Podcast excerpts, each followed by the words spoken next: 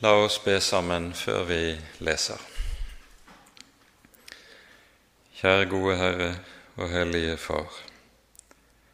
Til deg kommer vi, deg takker og lover vi for all din nåde og for all din godhet imot oss. Takk, Hellige Gud, at du er trofast for Jesus skyld. I ham har du gitt oss syndenes forlatelse og med ham har du lovet å sørge for dine små i alle ting. Så ber vi, Herre, lær oss da også å stole på deg i alle ting. Kom, Herre du, med din Hellige Ånd, vær hos oss denne kvelden, og gi oss lys i dine ord. Amen.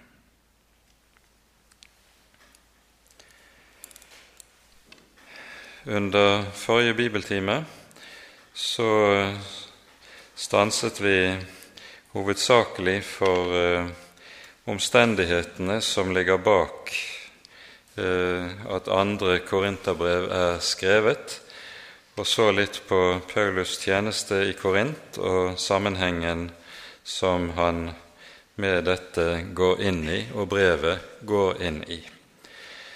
Det betyr at vi rakk ikke å se så veldig mye på det hovedavsnittet som eh, begynner brevet, og begynner med vers 3 og strekker seg til vers 11, og vi skal se noe nærmere på dette avsnittet i dag, selv om vi berørte det noe eh, forrige gang.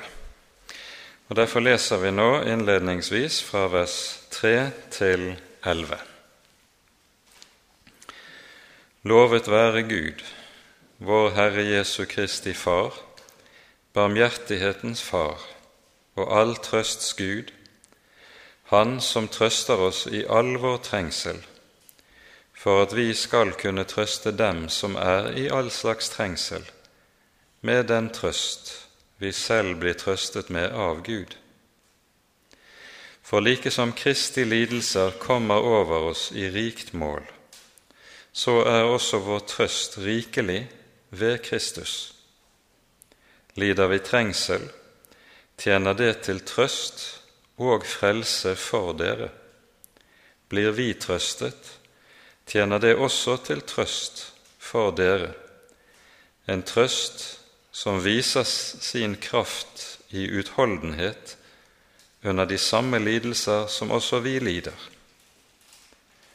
Vårt håp for dere står fast, for vi vet at slik som dere har del i lidelsen, så skal dere også ha del i trøsten. For vi vil ikke, brødre, at dere skal være uvitende om den trengsel vi måtte gjennomgå i Asia.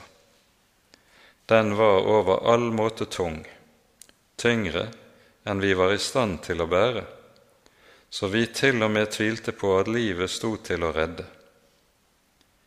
Vi regnet oss alt som dødsdømte for at vi ikke skulle stole på oss selv, men på Gud, Han som reiser opp de døde. Han fridde oss og frir oss fra så svær en dødsfare, og vi har det håp til ham at han også heretter vil fri oss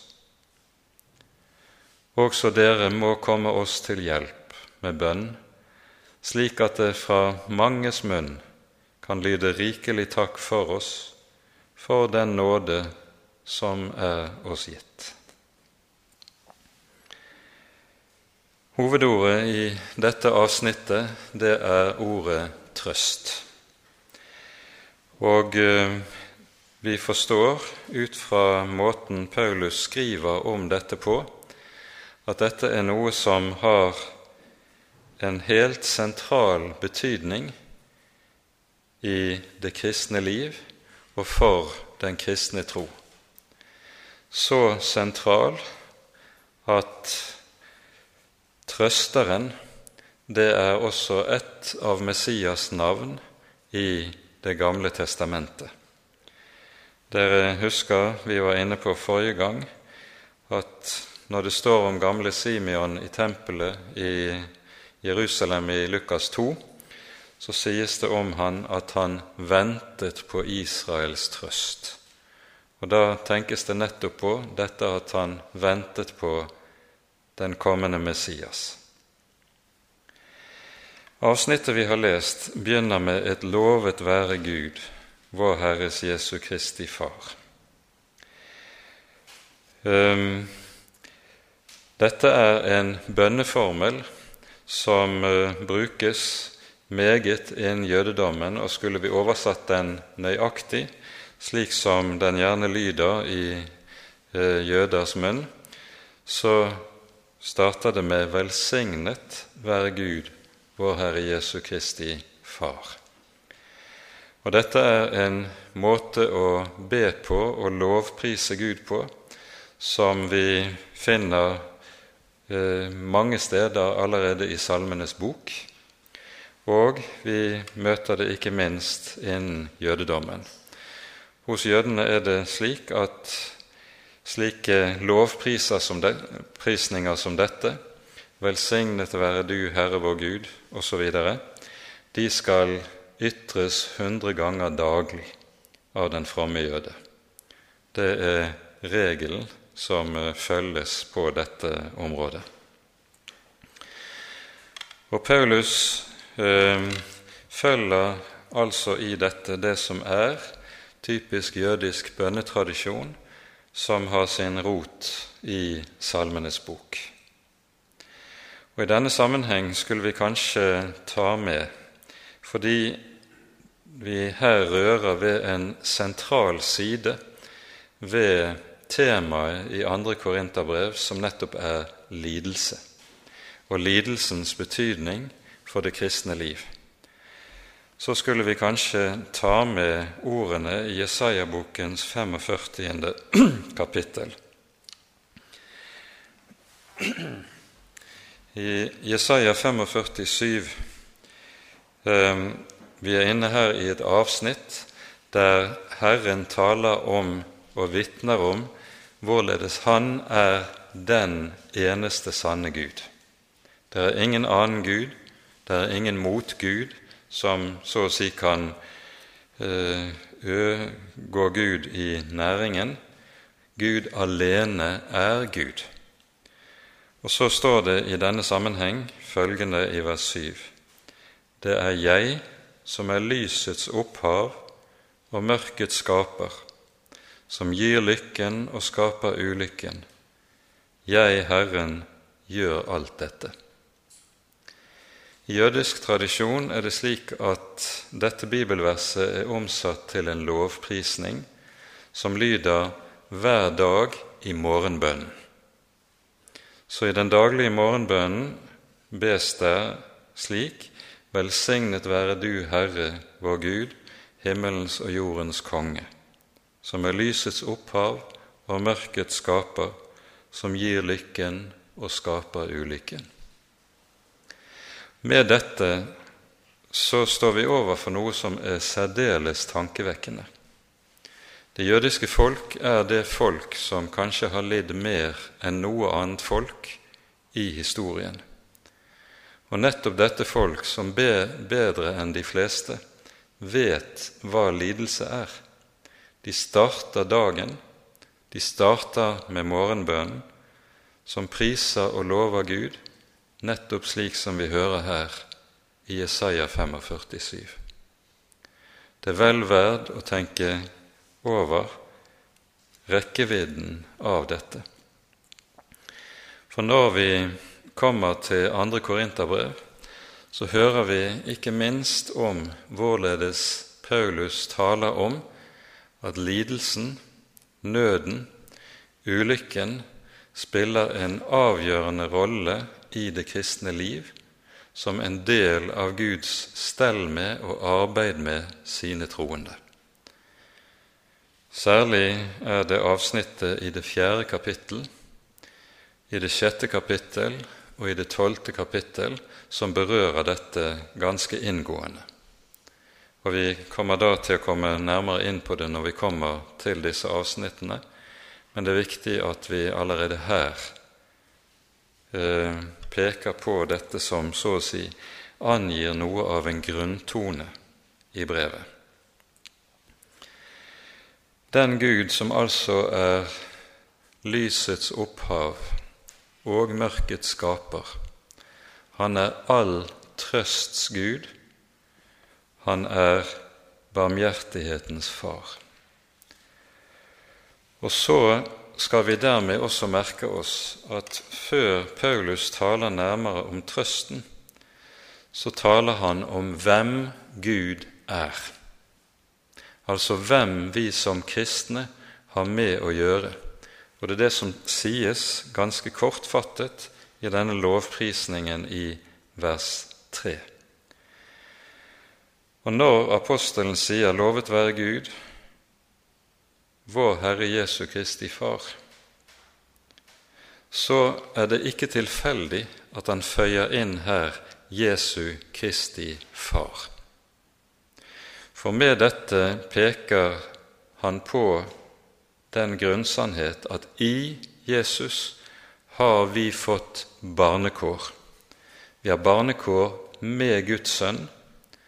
Når Jesus står opp fra de døde, hører vi at når han kommer ut av graven, møter Maria Magdalena, så skal hun gå til Jesu disipler og si til dem, 'Jeg går til min far og deres far, til min Gud og deres Gud'. Disiplene får del i Jesu sønnekår hos Faderen.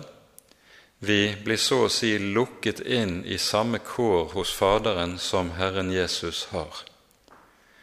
Så når det taler om, som vi her hører det, vår Herre Jesu Kristi Far, så pekes det dermed også på hva vi eier i Jesus som Guds barn.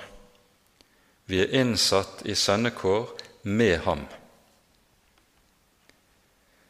Og dermed har vi også fått en far i himmelen som sier 'vær ikke bekymret'.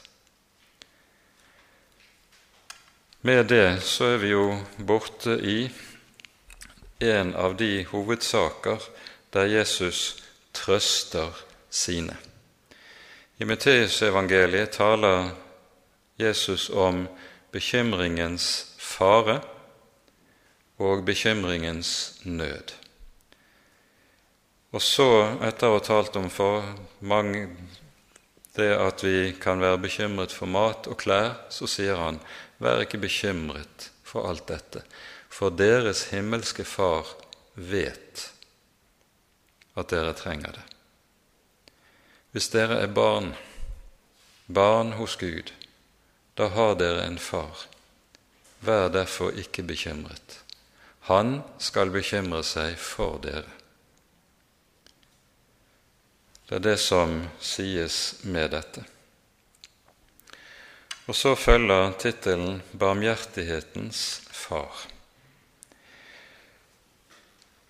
Den barmhjertige som tittel på Gud, det er noe vi møter om igjen og om igjen gjennom hele Den hellige Skrift. Det gamle testamentets begrep for barmhjertighet det er et begrep som eh, på hebraisk heter det rachamim.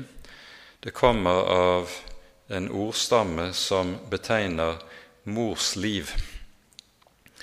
Og barmhjertighet, det er med andre ord eh, den omsorg som mor har for sitt barn. Barnet er det mest dyrebare mor eier. Og så bøyer derfor mor seg til sitt barn, våker over barnet, tar seg av alt hva barnet trenger. Og Det er dette som altså er ordstammen i ordet barmhjertighet. Og det er det samme som egentlig stammen til det norske ordet. Ordet barm, det er jo mors brystet som sørger for at barnet får den føde som det trenger. Og så er Gud altså far for sine barn, og vet derfor også å dra omsorg for sine barn. Og Derfor kan Paulus fortsette at han er all trøsts Gud. Det greske ordet som er oversatt med trøst, det er et ord som har en rekke ulike betydninger i Det nye testamentet. Og vi må se ut av sammenhengen hvorledes det skal oversettes. Ordet oversettes ellers i Paulusbrevene ofte med formaning. Det er altså det samme ordet i grunnteksten som oversettes formaning og trøst. Grunnbetydningen av ordet det er å tilkalle en for at han skal komme til hjelp. Og Det er jo nettopp det som skjer i trøsten. Herren er den vi tilkaller for at Han skal komme oss til hjelp. Og Det bibelske begrepet når det taler om trøst, det er noe langt mer enn sånn allmennmenneskelig å komme med myke, pene ord som egentlig intet virker. Det bibelske ordet for trøst betyr å komme med reell hjelp til den som er i nød. Og Det er meget viktig å være klar over. Ordet trøst betegner altså ikke bare pene ord, men noe langt, langt større og mere. Og så hører vi det sies i vers 4.: Han som trøster oss i all vår nød. Vi har ofte pekt på hvilken betydning presensformen har i Det nye testamentet. Det er en verbal form som brukes for å betegne noe som stadig pågår, og som ikke tar slutt. Og når det altså sies, som vi her hører, 'Han er den som trøster', da er det en, sies det om Herren, 'Han er den som er hos sine barn'. På ny og på ny kommer Han med sin trøst, med sin hjelp, for å ta seg av sine små. Her skulle vi kanskje minne om et vers i Salme 94, der vi leser i vers 19 følgende. Et ord som setter fokus på meget av det som en kristen kan trenge og behøve i livet.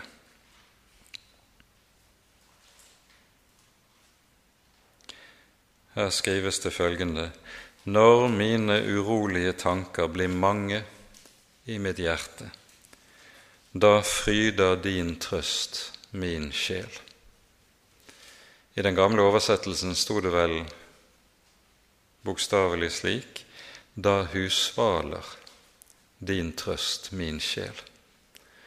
Det er synd at dette vakre ord husvale er blitt borte fra Bibelen. For det sier noen som ingen andre begreper kan utsi. Da husvaler din trøst min sjel. I ordet husvale ligger det at ikke bare, som det her står, fryde, men det at hjertet får hvile. For når tankene er urolige, bekymringene er mange, da får du aldri hvile. Men når du husvales, da kan du like sånn puste ut, hvile ut og så får du fred. Det er noe av det som ligger i det. Nå kunne vi spørre i hvilken, hvilke sammenhenger er det ordet trøst anvendes i vår bibel. Her finner vi en rekke ulike sammenhenger, og jeg tror det er viktig at vi er oppmerksom på disse ulike sider før vi går videre. Det første vi skal peke på, det er det som vi møter både i Jobbs bok og i kortform i Salme 73. det at mennesket tenker galt om lidelse, det er ofte noe av det som gjør lidelsen ekstra tung, ekstra vanskelig. Vi er jo ikke fremmed for den tankegang som hevder og mener at når vi er Guds barn, da skulle vi spares for det ene og for det annet av lidelse. Og det er nok av de som hevder at Gud jo har lovet helbredelse hvis det taler om sykdom, utfrielse hvis det taler om annen slags nød, osv., på en sånn måte at den underforståtte tanke er den en kristen skal dypest sett ikke behøve lidelse. Dersom han lider meget eller lider tungt, da er det tegn på at Gud har forlatt ham eller overgitt ham. Det er gjerne konsekvensen av denne tankegangen. I Jobbs bok ytrer dette seg på den måten som vi hører når Jobbs venner kommer til ham for å trøste ham i nøden de, den trøst de gir jobb, er det stikk motsatte av trøst. Jobbs venner kommer, og så vil de prøve å komme med en forklaring til jobb på hvorfor han må lide sånn som han gjør. Og Forklaringen lyder som følger.: Det må være fordi det er en eller annen skjult synd, en hemmelig misgjerning eller overtredelse i livet ditt, som gjør at Gud er vred på deg. Og Derfor er den lidelsen du må utstå, det er Guds straff. På dette protesterer jo Jobb meget heftig. Og brorparten av Jobbs bok, fra kapittel 3 og frem til og med kapittel 31, er en sånn samtale nærmest en stridssamtale mellom Jobb og hans venner, der Jobb på den ene side forsvarer sin uskyld, og vennene på den andre siden hevder med stor styrke at han må være skyldig i en eller annen synd, siden han opplever dette. Og det er jo klart at dersom denne tanke får overhånd i et menneskes liv, da fører det til at lidelsen blir desto tyngre å bære. Vi møter denne tankegang igjen i, hos det moderne mennesket som når det rammes av lidelse og smerte, ulykke eller stor nød, så roper det sin protest mot Gud. Hvorfor skal jeg lide dette? Dette er det tegnet på at verden er urettferdig, og at Gud er urettferdig. For det er ikke rettferdig at jeg skal lide slik. Da er det viktig å være klar over to ting. For det første her i verden er kristne mennesker ikke lovet å bli spart for den slags ulykker eller sykdom som kan ramme ethvert menneske for øvrig. Ugudelige mennesker kan bli syke, dø i kreft eller i ulykke. Kristne mennesker kan nøyaktig det samme. Og det, ulykken kan ikke ses på som tegn på at Gud har forlatt eller forkastet. Vi kan ikke lese ut av hva som skjer ytre sett, hvordan Gud tenker eller hva Gud har ment. Og når menneskene roper ut i smerte sitt hvorfor, så må vi alltid svare det gis intet svar på det spørsmålet her i verden. Det gis intet svar. Og det å svare et litt sånn lettvint og overfladisk, det er nok en mening med det, det er ofte en svært dårlig hjelp for den som har det vondt og den som opplever stor smerte. Det som er vilkårene her i verden, det er det som sies allerede i Første Moseboks tredje kapittel om verdens, det som er denne verden, etter syndefallet. Der sier Herren til Adam, fordi du gjorde dette, skal jorden være forbannet for din skyld. Og til forbannelsen hører alt dette som vi kaller ånder. Sykdommer, ulykker, nød, død osv. Det er vilkårene i denne verden, og disse vilkårene kommer til å være slik så lenge denne verden står. Det å derfor tenke som så at lidelsen på en eller annen måte er tegn på at enten jeg lider urettferdig fordi jeg mener om meg selv at jeg er uskyldig, det er en misforstått tanke. Intet menneske er uskyldig. Men ingen lidelse kan spores på en slik måte at den har sin årsak i den ene eller den andre misgjerning. Og Her er det jo derfor også slik at vi møter Asafs anfektelse i Salme 73, ut fra den samme grunntanke om forholdet til lidelse. Hvorfor går den ugudelige fri fra lidelse, stiller Asaf spørsmålet om mens den rettferdige, han erfarer rikelig med motgang og nød. Hvorfor er det slik? Og når Asaf til slutt kommer igjennom nøden som eh, denne anfektelsen volder ham, så hører vi han si, skriver følgende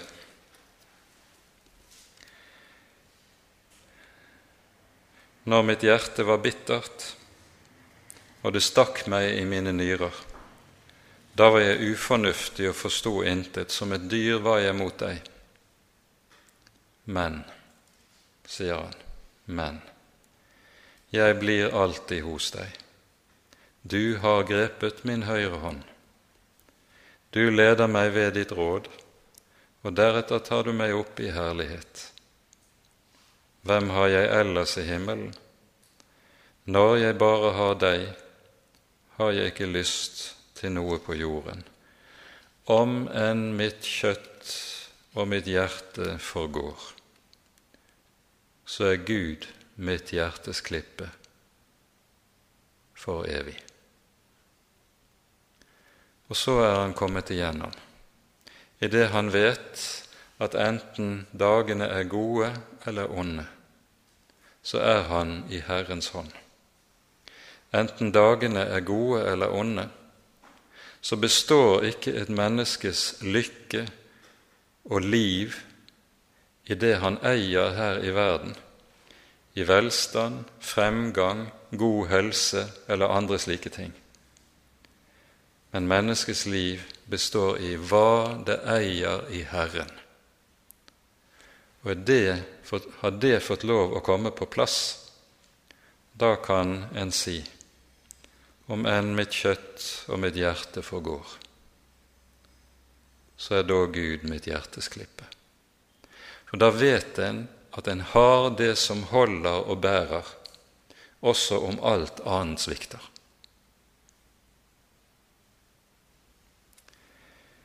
Altså det å tenke galt om lidelsen og lidelsens plass her i verden, det er noe som kan øke vanskene og gjøre det enda verre for et menneske.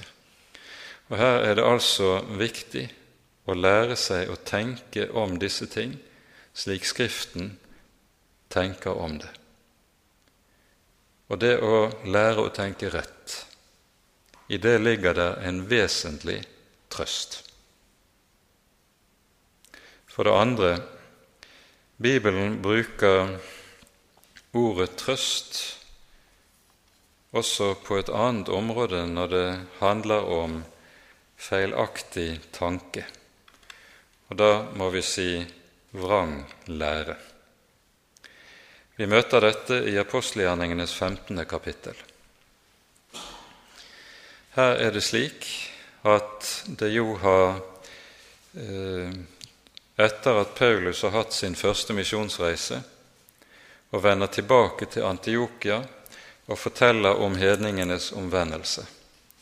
Så står det at da reiste det seg noen av fariseernes parti som hadde tatt ved troen, og de sa disse må omskjæres og læres å holde loven. Altså, det kommer et krav om at de hedninger som har tatt ved troen, de må omskjæres og læres å overholde loven, altså bli jøder. Dette er foranledningen til Dette skaper mye uro i menigheten i Antiokia og blant de hedningekristne.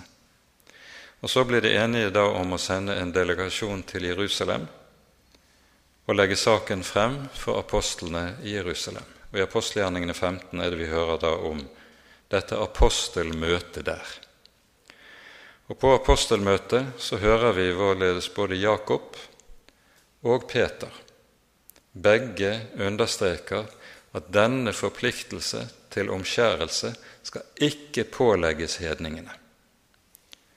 Og så får de bare pålagt seg noen enkle bud som skal overholdes. De skal holde seg borte fra blod, det betyr antagelig voldsgjerninger. De skal holde seg borte fra avgudsdyrkelse og fra hor. Og der, Med det så nevnes de tre vanligste syndene i hedenskapet. Dette skulle de legge vind på å holde seg borte fra. Og så sendes det brev til menigheten i Antiokia, og vi leser fra vers 30 følgende. De som ble sendt av sted, kom da ned til Antiokia. De samlet hele menigheten og ga dem brevet, og da de hadde lest det, gledet alle seg over den trøst de fikk. Judas og Silas, som selv var profeter, talte meget til oppmuntring, her står det egentlig til trøst og til styrke for brødrene. Det vi her hører, det er at når Guds ord forkynnes rett inn i en situasjon der vranglære har brakt forvirring og samvittighetsnød, da gir dette trøst. Og Dette er en viktig side ved Bibelens tale om trøsten. For det tredje Bibelen bruker begrepet trøst i forbindelse med det som vi kaller for anfektelse. Når et menneske anklages i hjertet, i samvittigheten, for sine synder, enten det er imaginære synder eller det er reelle synder som en har falt i, på en slik måte at djevelen kommer og sier du kan ikke være et Guds barn, slik som du er. Da melder spørsmålet seg med stor tyngde hvordan kan jeg få visshet om min frelse? Hvordan kan dette gis meg igjen?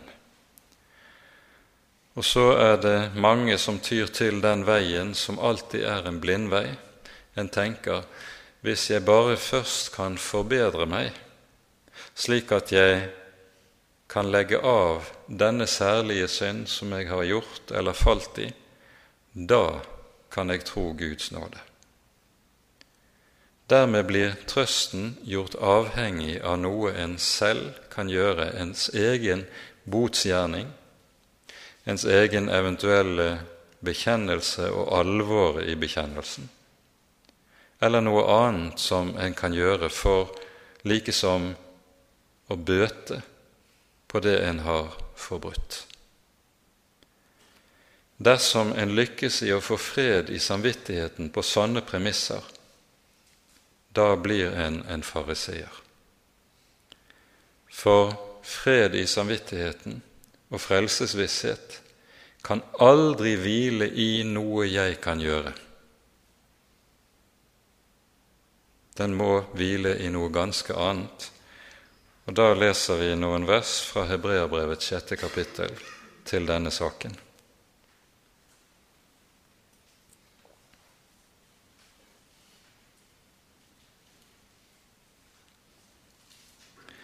Her sies det slik fra vers 17.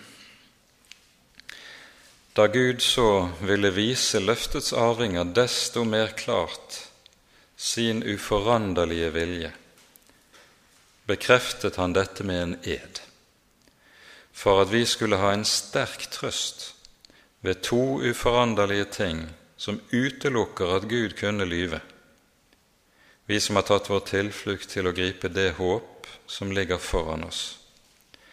Dette har vi som et anker for sjelen, et som er trygt og fast og når inn til det innerste bak forhenget, der Jesus gikk inn som forløper for oss, han som ble ypperste prest til evig tid, etter Melkisedeks vis.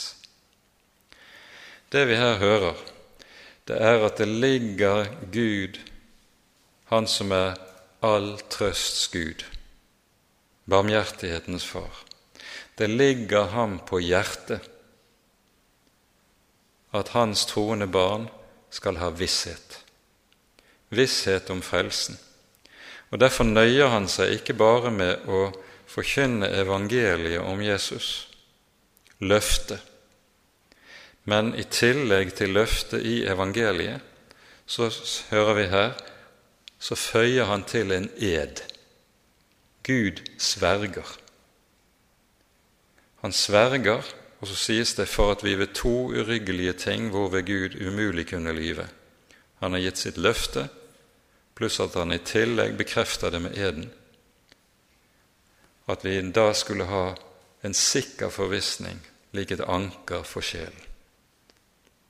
Det ligger Gud på hjertet at du skal få lov til å ha denne frimodige visshet, en visshet om syndenes forlatelse som ikke er grunnet i noe du selv kan gjøre, botsøvelser som du selv prøver å få til, men som hviler i evangeliet om hva Jesus er, og hva han har gjort.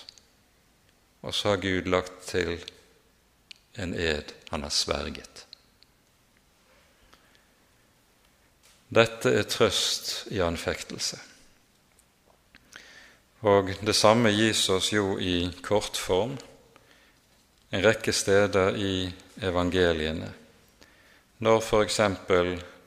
de kommer i Matteusevangeliets niende kapittel kommer bærende med en eh, lam til Jesus på en båre, og så sier Jesus til den lamme, Vær frimodig, dine synder er deg forlatt.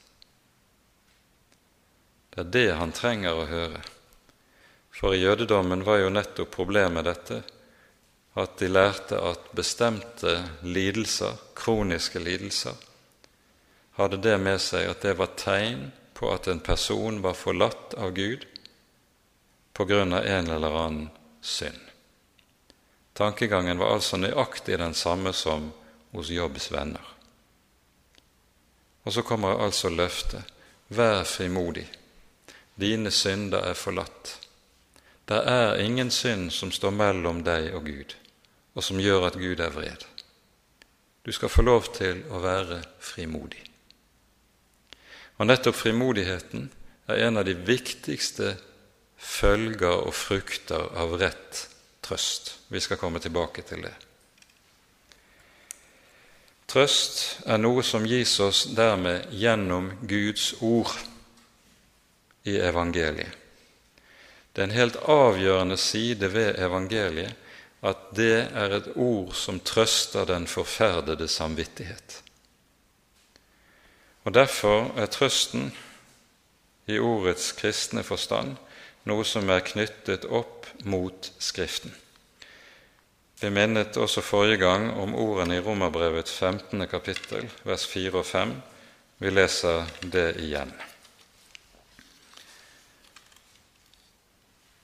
Alt som før er skrevet, det er skrevet til lærdom for oss, for at vi skal ha håp ved det tålmod og den trøst som Skriftene gir. Må så tålmodets og trøstens Gud gi dere å ha ett sinn innbyrdes etter Jesu Kristi forbilde. Her er det tale om altså at Skriftene gir trøst, og ved denne trøst har vi håp og tålmod. To andre vesentlige frukter av den trøst som gis ifølge Skriften. Til sist må vi her nevne trøsten slik den møter oss i møte med døden. Døden er den siste fiende. Døden er det som ingen av oss kommer utenom, så sant vi ikke lever når Herren Jesus kommer tilbake. Og også for mange, mange kristne er døden noe en ser på med stor angst, med stor frykt. Og det å få lov til å møte den rette trøst når døden er der, det er ganske så avgjørende.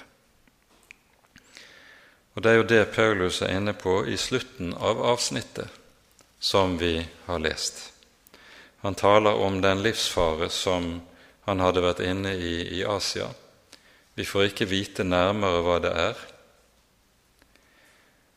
men, sier han, vi hadde oppgjort med oss selv at vi måtte dø. Og så sies det for at vi ikke skulle stole på oss selv, men på Gud, som oppreiser de døde.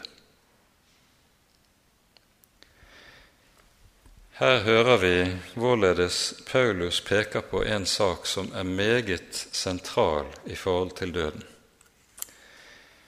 Døden har det med seg at den river i stykker alt det et menneske har bygget på i livet. Den tar fra oss alt det som vi trodde vi har, og som vi trodde var sikkert. Alt blir borte, alt tas fra oss, og så står vi nakne. Og spørsmålet blir da, når vi står nakne innenfor døden hva har jeg så å komme med? Hva har jeg da å stå på? I møte med døden er det bare ett som holder, og det er å eie Han som oppreiser de døde, og som har gitt dette løftet om oppstandelsen til syndere som Han har frelst. Der er intet annet å bygge på og hvile på. Men kan en kristen få lov til å være der? Da kan han også møte døden med den største frimodighet. For det døden prøver i våre liv, når døden melder seg, når døden kommer nær, det er med en gang dette hva er livet mitt bygget på? Er det bygget på en grunn som holder, eller har jeg bygget på ganske andre ting? Er det ganske andre ting som har utgjort selve det vesentlige innhold i livet? Det prøves av døden, og så kles vi nakne. Og Den som da i sin nakenhet vet at jeg har Gud som min far, Jesus som min frelser, Den hellige ånd som pant på evig liv. Han kan være frimodig i døden. Dette er trøsten. Men det er en trøst som ofte har det med seg at den kommer som gjennom ild. For det å bli berøvet Selvtilliten det er ofte noe som skjer gjennom kamp. Selvtilliten ligger jo oss i blodet. Vi stoler langt heller på det vi ser og kan ha kontroll over, enn det som vi ikke ser og ikke kan kontrollere. Døden tar fra meg enhver kontroll. Da er jeg henvist til å stole på at min Gud er den levende Gud som har all makt i himmel og på jord. Han har kontroll. Jeg er i Hans hånd. Og da er det at ordene i Salme 62 kan sannes. Bare i håp til Gud er mitt hjerte stille. Fra ham kommer mitt håp. Han alene er min klippe og min frelse, min borg. Jeg skal ikke rokkes. Tenk å kunne si det i døden. Hvilken gave er ikke det? Men det er det en kristen eier i Jesus. Og Derfor er det ikke tilfeldig at disse ordene som lød ved dåpen, ofte også lyder ved graven. Lovet være Gud og vår Herres Jesu Kristi Far, Han som har gjenfødt oss til et levende håp ved Jesu Kristi oppstandelse fra de døde.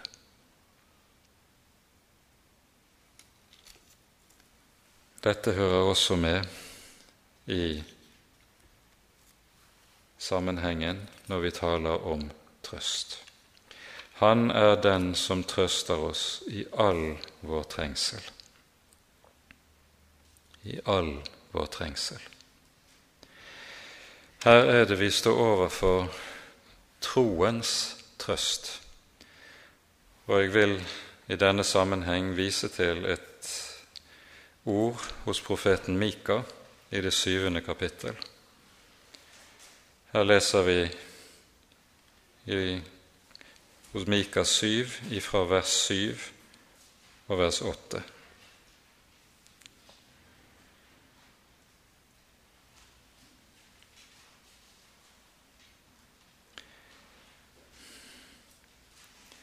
Jeg vil skue ut etter Herren og vente på min frelses Gud. Min Gud vil høre meg. Gled dere ikke over meg, mine fiender. Når jeg er falt, står jeg opp igjen.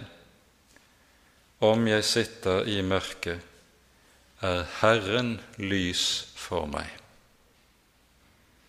Legg merke til hvordan ordlyden her er. Det sies ikke 'når jeg er kommet ut av mørket, er Herren lys', men det sies 'når jeg sitter i mørket' er Herren lys for meg. De av dere som har lest eh, John Bunyans bok 'En pilegrimsvandring', husker kanskje at pilegrim forteller om hvordan han ved en anledning ble overfalt av en veldig kjempe som het motløshet og fortvilelse. Og denne veldige kjempen slo ham til jorden. Og der han lå slått til jorden, siterer han ordene her fra Mika 7, 8. Gled dere ikke over meg, mine fiender. Når jeg falt, står jeg opp igjen. Når jeg sitter i mørket, er Gud lys for meg. Og så overvinner han med dette ordet i hende og kan vandre videre. Dette er troens trøst, som ikke hviler i hva en ser med sine øyne, men i Guds ord og løfte. Hva er det trøsten virker og gjør i et kristent menneskes liv? Trøsten gir for det første håp. Det å være uten håp er noe av det farligste som kan ramme et menneske.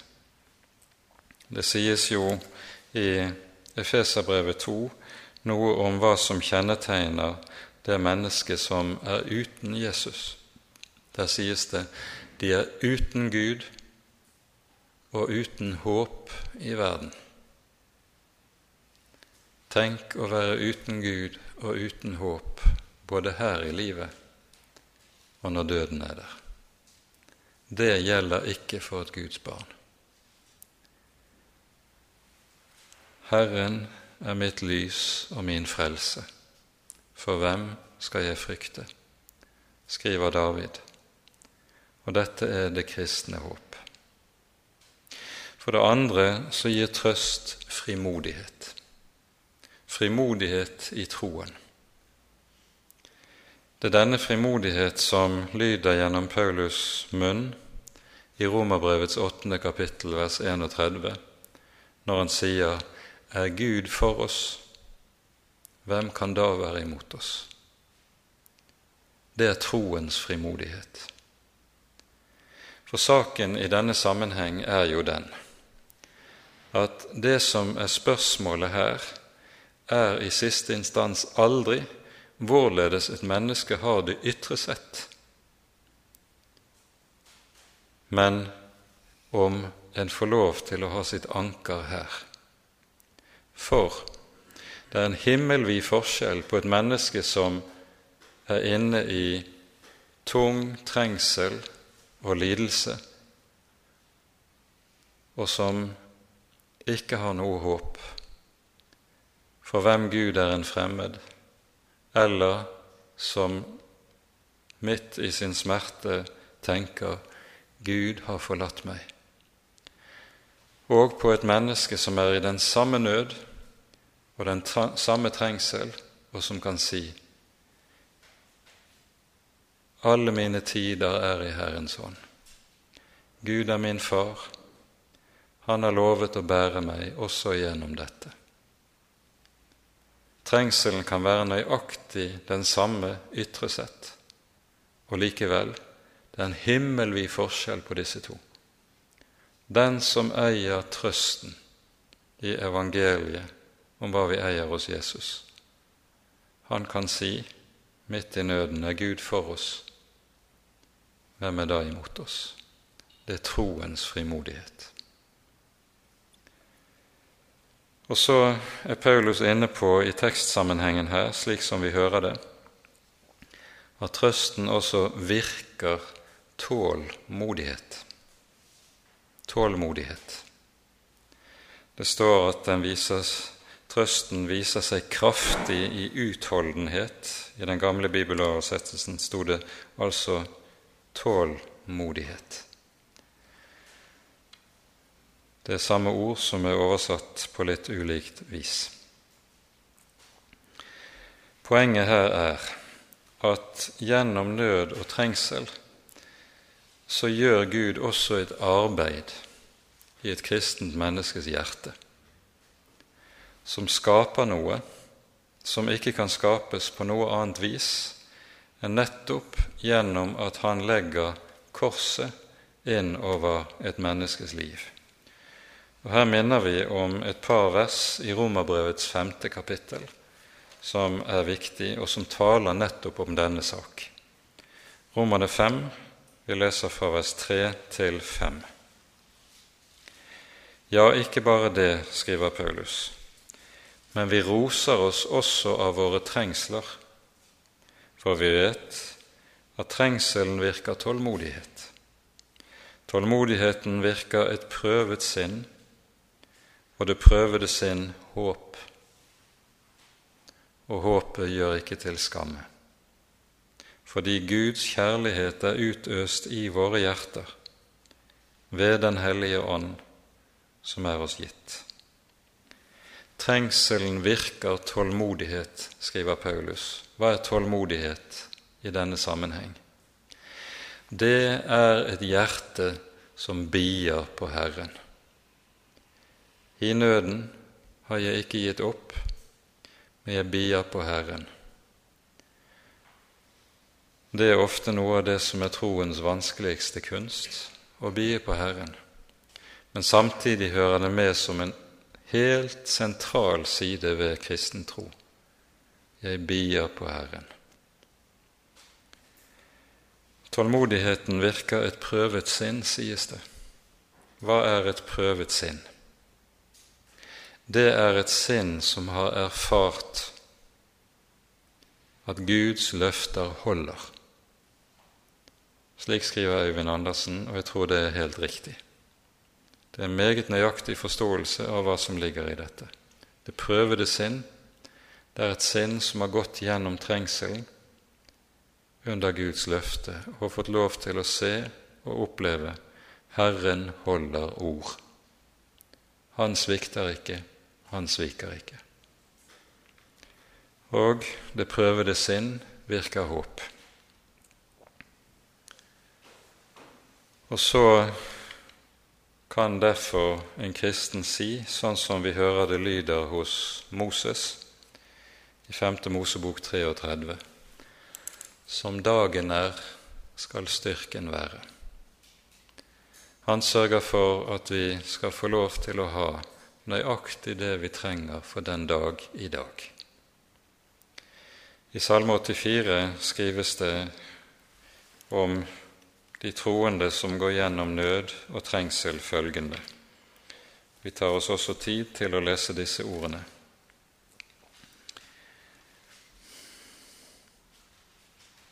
Salme 84 fra vers 6 til 8. Salig er det menneske som har sin styrke i deg, de som har sitt hjerte vendt til de jevne veier. De har altså ikke sin styrke i seg selv, de har sin styrke i Herren. I seg selv er de svake, i seg selv er de hjelpeløse. De har sin styrke i Herren. Når de vandrer gjennom Tåredalen, gjør de den til en kildevang, og tidlig regnet dekker den med velsignelse. De går frem fra kraft til kraft de trer frem for Gud på Sion. Det er mange som taler om kraft i det kristne liv som noe som man likesom har. Du har det i lommen, og så kan du nesten føle deg sterk. Slik er det ikke. Det som er i stedet på dette vis, de går frem fra kraft til kraft. Du får den styrke du trenger for den aktuelle situasjonen du er inne i. Og så ikke mer. Og så føler du deg ikke sterk når du vandrer videre, men når du på ny er i nød, så får du ny kraft. De går frem fra kraft til kraft. De trer frem for Gud på Sion. For en kristens styrke er først og fremst hans avhengighet av Herren. Det at jeg vet at jeg ikke klarer meg uten ham. Når Paulus taler om trøst i denne sammenheng, så hører vi hvordan dette settes sammen med eh, den omtalen av den store dødsfare han hadde vært i i Asia. Og Vi skal legge merke til hvordan eh, Paulus her uttrykker seg. Det er en egen tankesammenheng i dette. Han, når vi leser vers 10, han fridde oss og frir oss fra så svær en dødsfare, og vi har det håp til ham at han også heretter vil fri oss ut. Her er det like som Paulus har i minne ordene fra første Samuels bok, syvende kapittel, der Israel har fått hjelp av Herren i en dyp nødsituasjon, og så reiser profeten Samuel en minnestein der det skrives inn følgende ord. Hittil har Herren hjulpet. Slik vil han også hjelpe heretter, er konklusjonen som dras av det. Hittinntil har Herren hjulpet, han vil også hjelpe heretter på samme vis. Når Paulus i denne sammenhengen ikke vil konkretisere nærmere hva slags nød det var han var inne i, så er dette ganske typisk for Paulus' måte å skrive på. Vi møter det samme i en rekke andre sammenhenger, ikke minst når vi hører i kapittel 12 om tårnen i kjødet, Vi får aldri vite hva dette er konkret. I Galatane 4 taler Paulus på tilsvarende måte om en lidelse som var meget vanskelig for ham, og som foranledniget at han kom til galaterne. Men han skriver ikke hva det er for noe. Dette er ganske karakteristisk. Men bakom det ligger to ting. For det første gjør apostelen seg ikke interessant ved å kunne gå utbrodere i detaljer hva det er for slags eh, nødsituasjon han har vært inne i. Og for det andre ligger det i, bak dette en Guds egen visdom som har hindret at det står at det er den og den konkrete situasjonen det dreier seg om. For at vi skal kunne ta disse ordene til oss i en hvilken som helst nødsituasjon. Herren har selv sørget for dette, at det er skrevet på så allmenn vis at det kan være noe som gjelder oss inn i hver enkelt menneskes konkrete nødsituasjon. Og så står ikke den fælen der at det er bare den som er nøyaktig samme nød eller nøyaktig samme prøvelse som Paulus var, som kan ta ordene til seg. Nå kan hvert menneske som er i nød og lider, få lov til å ta dette til hjertet og ha trøst og hjelp. Det er saken i det.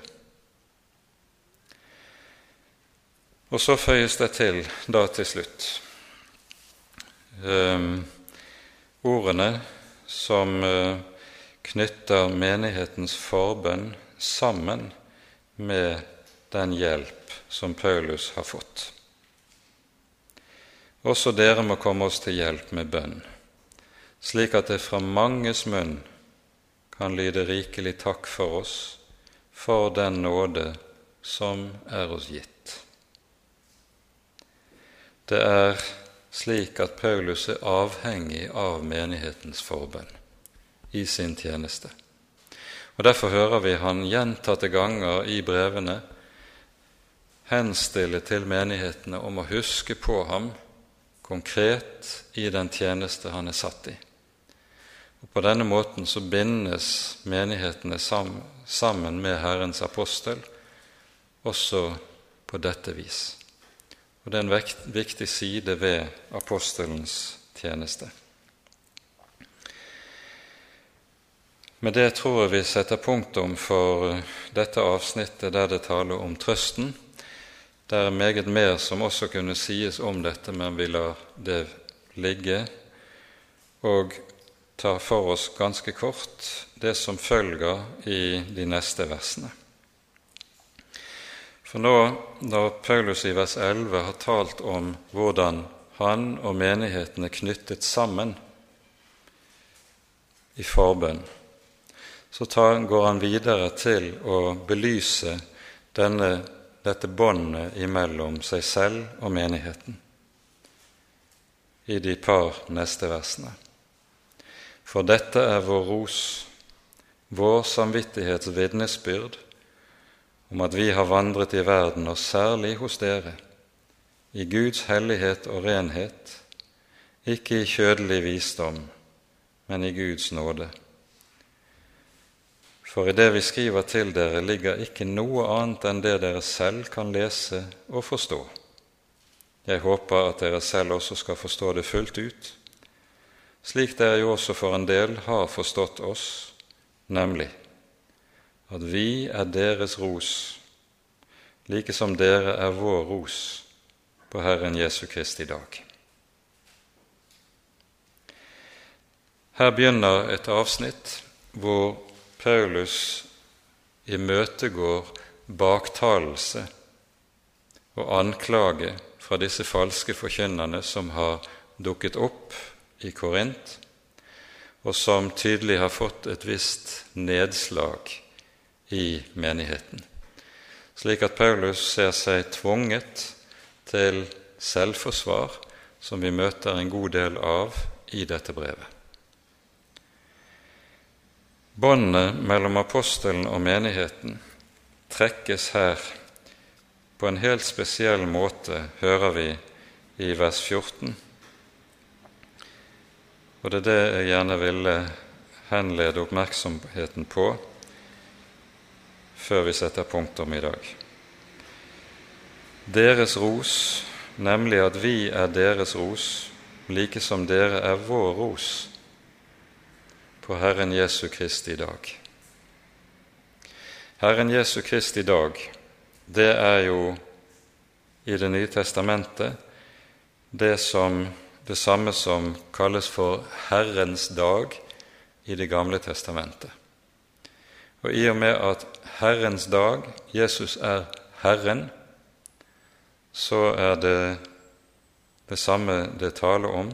Herrens dag, det er den dag Herren kommer til verden for å holde dom. Og så sier han at det er noe som er en ros både for menigheten og for apostelen. Paulus sier for det første at dere er vår ros på Herren Jesu Kristi dag. Det budskapet i evangeliet som apostelen har forkynt, har båret frukt. Og Jesus taler om i Johannes 16 at 'jeg har satt dere til å gå ut og bære frukt', frukt som varer. Når det er varig frukt, så er det frukt som holder inntil Jesu Kristi dag. Jesus kommer tilbake, og så finner han en liten menighet i Korint som tror på ham, som har funnet syndenes forlatelse gjennom forkynnelsen av evangeliet. Dette er apostelens ros. Menighetene som er blitt til gjennom forkynnelsen av evangeliet, det er den frukt som varer. På tilsvarende måte sies, sier Paulus er vi, eller jeg som apostel, deres ros. Med det mener ikke Paulus å skryte av seg selv, men han taler om sitt embete som Herrens apostel. Korinterne har fått et veldig privilegium som ikke så veldig mange har fått, nemlig å få Herrens egen apostel på gjesting. Apostlene er så å si Guds spesialutsending. Og Vi vet hva en spesialutsending sendes for i våre dager når det taler om f.eks. fredsforhandlinger eller slike ting. Hvis det er særlig viktige og maktpåliggende oppgaver statene imellom, så utpekes det en spesialutsending som har særlige fullmakter til å gjøre det som statsmakten sender ham for. På en slik måte er den enkelte apostel slike Guds spesialutsendinger, som forteller noe om hvor maktpåliggende det har vært for den levende Gud at nettopp apostlene skal komme og forkynne det dyrebare evangelium i den sammenheng. Og så kan menigheten ha som sin ros tenk at Herren sendte sine apostler til oss. Tenk hvilken ære Gud har vist oss gjennom dette. Og så er det vi hører altså dette forunderlige uttrykk som Paulus anvender i denne sammenheng, og peker altså med dette på det forunderlige bånd som er mellom apostelen og menigheten, og som er skapt av evangeliet. Det er Guds evangelium som han er satt til å forkynne, og som er blitt til trøst i liv og i død for menigheten. Med det setter vi punktum for dagens bibeltime. Ære være Faderen og Sønnen og Den hellige ånd, som var og er og være skal en sann Gud, høylovet i evighet. Amen.